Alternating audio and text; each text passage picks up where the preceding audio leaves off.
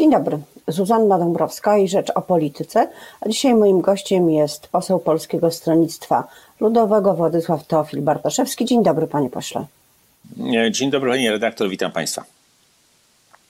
E, teraz powinno właśnie się zaczynać e, spotkanie, na które zaprosił e, partie opozycyjne minister Michał Dworczyk w kancelarii prezesa Rady Ministrów. Spotkanie dotyczyć ma realizacji planu szczepień. Pan by się spodziewał po tym spotkaniu?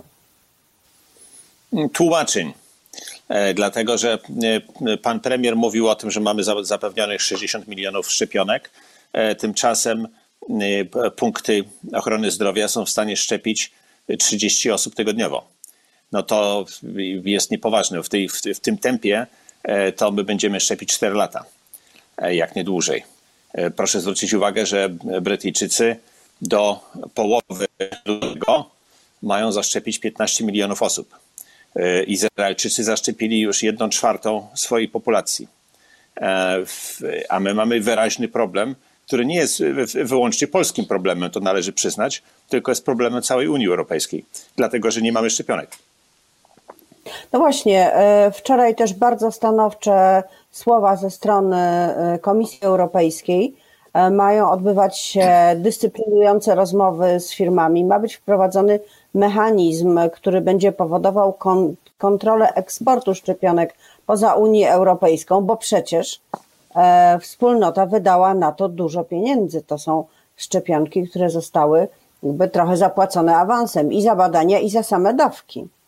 Czy to się uda? No, e, o badaniach nie mówmy, to jest zupełnie co innego. Zostały włożone miliardy e, euro i dolarów w te badania i one robione w sposób wyjątkowo przyspieszony i doprowadziły do tego, że mamy jednak trzy szczepionki na rynku w Unii Europejskiej dwie, ale w, w, na świecie jeszcze jest trzecia.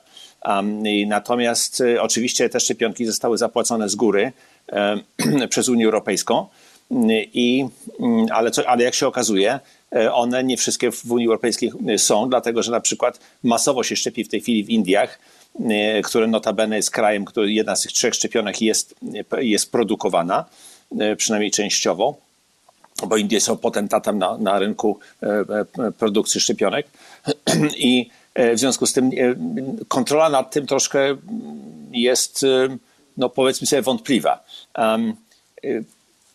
Tutaj problemem zasadniczym jest to, że Europa uznała, że w dobie globalizacji można poprzenosić produkcję rozmaitych rzeczy, w tym, czy, w tym na przykład lekarstw, do krajów, w, których, w którym to będzie taniej.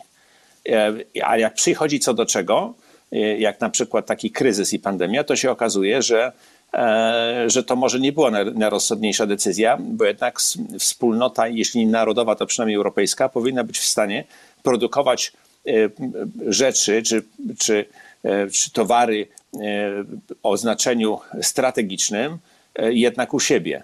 A tego w tej chwili nie, nie, posiadamy.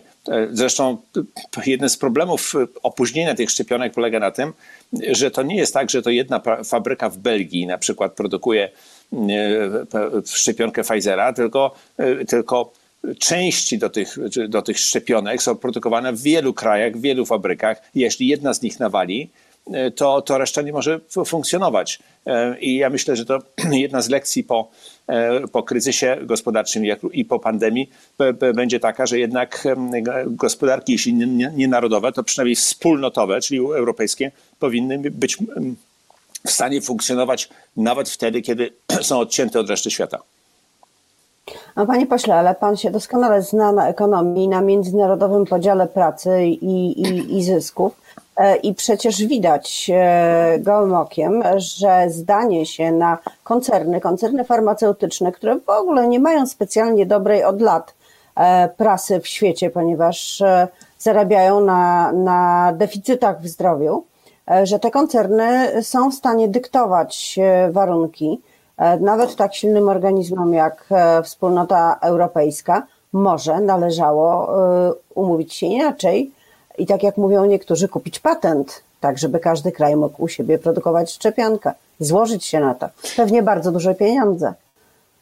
to byłyby duże pieniądze. Ja myślę, że to akurat byłoby mniej efektywne. Natomiast jeżeli koncerny farmaceutyczne, przepraszam, są w stanie dyktować warunki, a, a, koncert, a koncert medialny jest, jest w stanie odłączyć prezydenta Stanów Zjednoczonych od swojej platformy, to to znaczy, że sprawy poszły troszkę za daleko.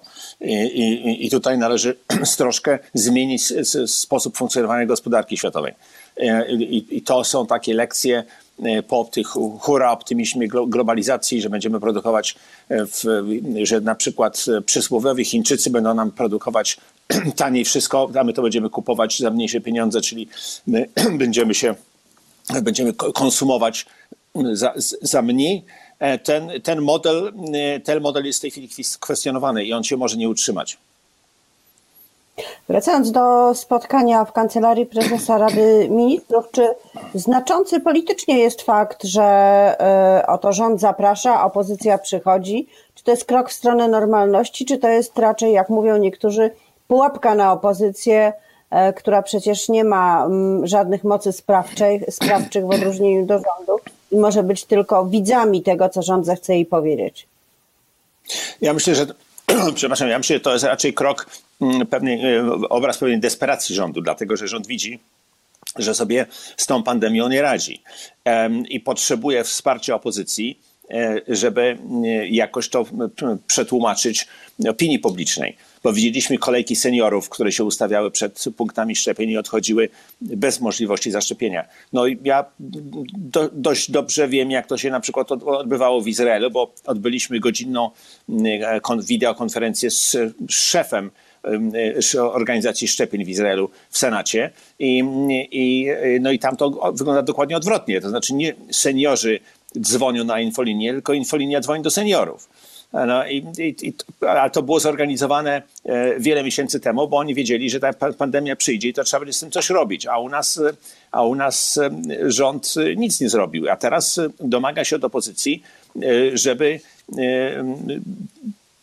była częścią wytłumaczenia tego stanu rzeczy przed, przed opinią publiczną. Oczywiście, że PSL, Koalicja Polska E, będzie wspomagała rząd w, w, w, tej materii, dlatego że chodzi o życie Polaków, ale, ale to jest po prostu sposób e, przykrycia nieudolności i niekompetencji tego rządu, e, który jest powszechny we wszystkich rzeczach, które oni robią.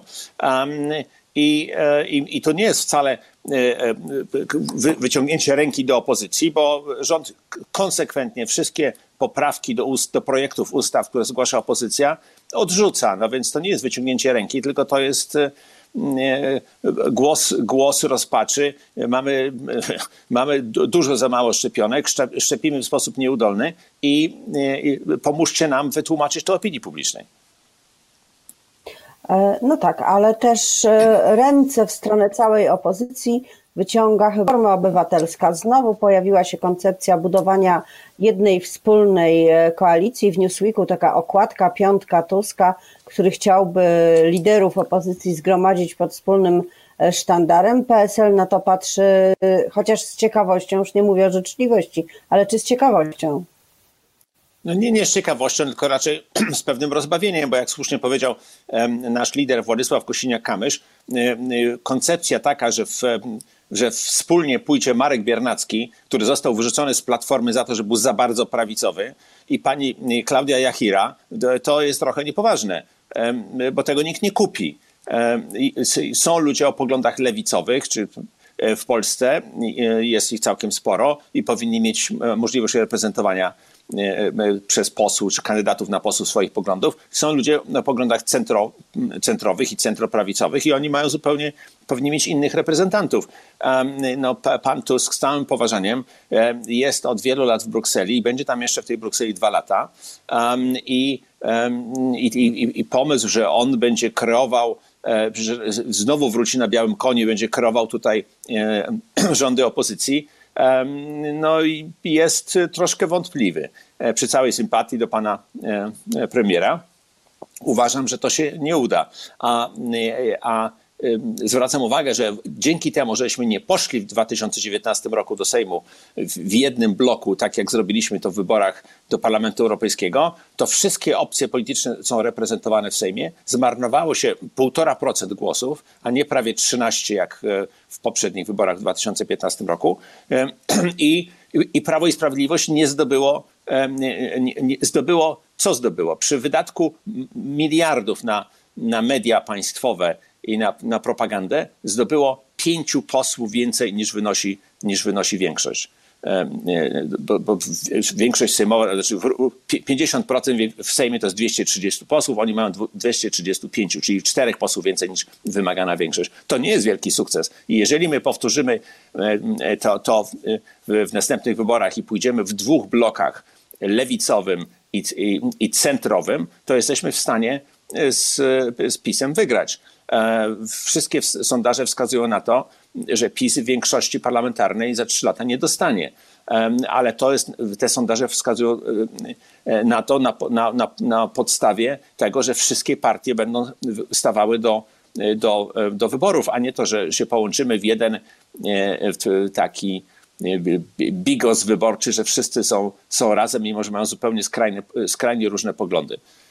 I, i dlatego no tak, uważam, że, to jest, ale... że to jest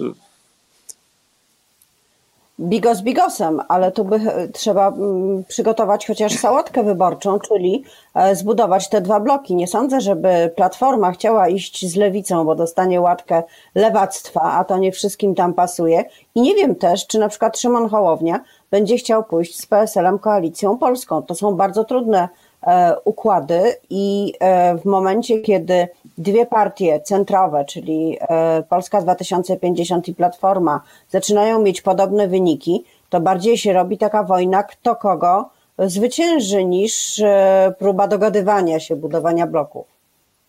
Ale to jest za wcześnie. Proszę zwrócić uwagę, że w 2016 roku partia nowoczesna pana Ryszarda Petru miała 30% E, poparcie w, badaniach opinii publicznej I, i pan Petru ogłosił się liderem opozycji. No, pan Petru nie jest już w polityce, a nowoczesna de facto nie istnieje. E, w związku z tym e, to, bo to było w 2016 roku, czyli trzy, trzy lata przed wyborami. Trzy lata przed wyborami pan, ruch pana Hołowni może mieć 17% w, w badaniach opinii publicznej albo więcej, ale do wyborów są trzy lata.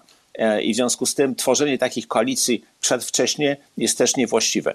My oczywiście rozmawiamy z, z naszymi e, kolegami z, z, opozycji, z rozmaitych partii i, i, i staramy się budować e, koalicję centroprawicową E, również wśród samorządowców i ruchów obywatelskich i, no i, i, zobaczymy, jak będziemy wyglądali za dwa lata, no, bo w, wtedy się to będzie decydowało. Nie można kroić, że tak powiem, skóry na niedźwiedziu, a, a co jeśli chodzi o to, co jest na okładce znanego tygodnika, to ja przypominam, że redaktor tego znanego tygodnika był uważany w pewnym momencie za pewniaka na, prezydent, na, na prezydenta, kandydata na prezydenta e, Polski. No więc jak się skończyło, pamiętamy. Więc ja bym tutaj takich e, spekulacji dalekosiężnych e, trzy lata przed wyborami nie snuł. To posnujmy spekulacje dotyczące czegoś, co będzie znacznie szybciej, czyli jak e, dalej potoczą się losy stanowiska bardzo ważnego w Polsce, czyli Rzecznika Praw Obywatelskich. PiS w mediach społecznościowych, niektórzy politycy odtrąbili wielkie zwycięstwo. Został wybrany ich kandydat Piotr Wawrzyk. Niektórzy ogłosili, idzie zmiana na stanowisku rzecznika, no ale jest jeszcze Senat. Co tam się wydarzy? Wydarzy się to, co się powinno wydarzyć. Ja nie mogę mówić ze panów senatorów, bo ja nie siedzę w Senacie, ale z tego, co ja słyszę od moich kolegów um, i od kolegów senatorów z innych partii opozycyjnych, nie ma żadnej szansy, żeby pan minister Wawrzyk, urzędujący minister rządu, został wybrany na Rzecznika Praw Obywatelskich, czyli na stanowisko, które ma e, chronić obywateli przed między innymi rządem. No to już jest, to już jest kuriozalny projekt e, partii rządzącej, żeby, tak, żeby taki taką kandydaturę zgłosić i nie ma żadnej szansy z tego, co ja słyszę, żeby senatorowie e, opozycyjni, którzy mają w Senacie większość, zagłosowali za tą kandydaturą. Myśmy oczywiście rozmawiali z, z rządem, żeby rząd, jeżeli chce, a powinien chcieć za, zasugerować jakąś kandydaturę, żeby, żeby zasugerował kandydaturę akceptowalną dla opozycji, a rząd wybiera urzędującego polityka, no to no to, są, to, to jest naprawdę kuriozalne. E, nie ma żadnej szansy, żeby on został wybrany.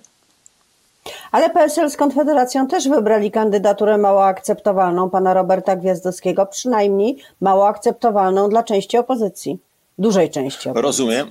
rozumiem, tylko że myśmy tę kandydaturę zgłosili po konsultacjach z kilkoma wydziałami prawa znaczących polskich uniwersytetów. I to te uniwersytety zgłosiły, między innymi, tam było kilku kandydatów potencjalnych, zgłosiły kandydaturę pana profesora Gwiazdowskiego. Czyli mamy za sobą poparcie dziekanów wydziałów prawa. E, I, i, I w związku z tym uznaliśmy, że, że jest to kandydatura, e, którą należy rozważyć. E, pan profesor Gwiazdowski od wielu lat walczy między innymi o prawa obywateli i prawa właścicieli firm i prawa przedsiębiorców przeciwko urzędom skarbowym i, i, i, i brutalnemu traktowaniu obywateli prowadzących biznesy przez E, przez skarbówkę I, i, ma na tym polu e, znaczne osiągnięcia i to też jest e, działanie na, na, na rzecz praw obywatelskich. I tutaj druga strona opozycji sugerowała bardzo popierano również przez nas kandydatkę, która wszakże nie miała żadnego, żadnej szansy zostać wybraną i w związku z tym myśmy uznali, że należy przedstawić kogoś innego, żeby był przynajmniej jakiś, jakiś wybór. To zostało odrzucone, ale z całą pewnością no i zobaczymy, co z tego będzie, dlatego że rząd może chcieć e, złamać prawo i, e, i wprowadzić e, pełniącego obowiązek Rzecznika Praw Obywatelskich. No ale bo rząd ma tendencję do dość, dość szczególnego podchodzenia do, do zasad prawnych. No ale zobaczymy, co z tego będzie. Jest, ja mam nadzieję, że jakiś kompromis uda się z rządem jednak tutaj zawrzeć. Chociaż rząd tego nie lubi, dlatego że Rzecznik Praw Obywatelskich jest jedną z niewielu pozycji e, w życiu publicznym w tej chwili, które, których rząd absolutnie nie kontroluje, a pan, a pan profesor Bodnar e, e, dawał się administracji rządowej we znaki. To prawda, funkcja PO, Rzecznika Praw Obywatelskich, byłaby takim niezłym skrótem logicznym i metaforą tego, co, z czym mamy w Polsce do czynienia. Bardzo dziękuję za tę rozmowę. Moim gościem Dziękuję był bardzo, poseł Polskiego Stronnictwa Ludowego Władysław Teofil Bartoszewski. Miłego dnia. Nawzajem, dziękuję bardzo.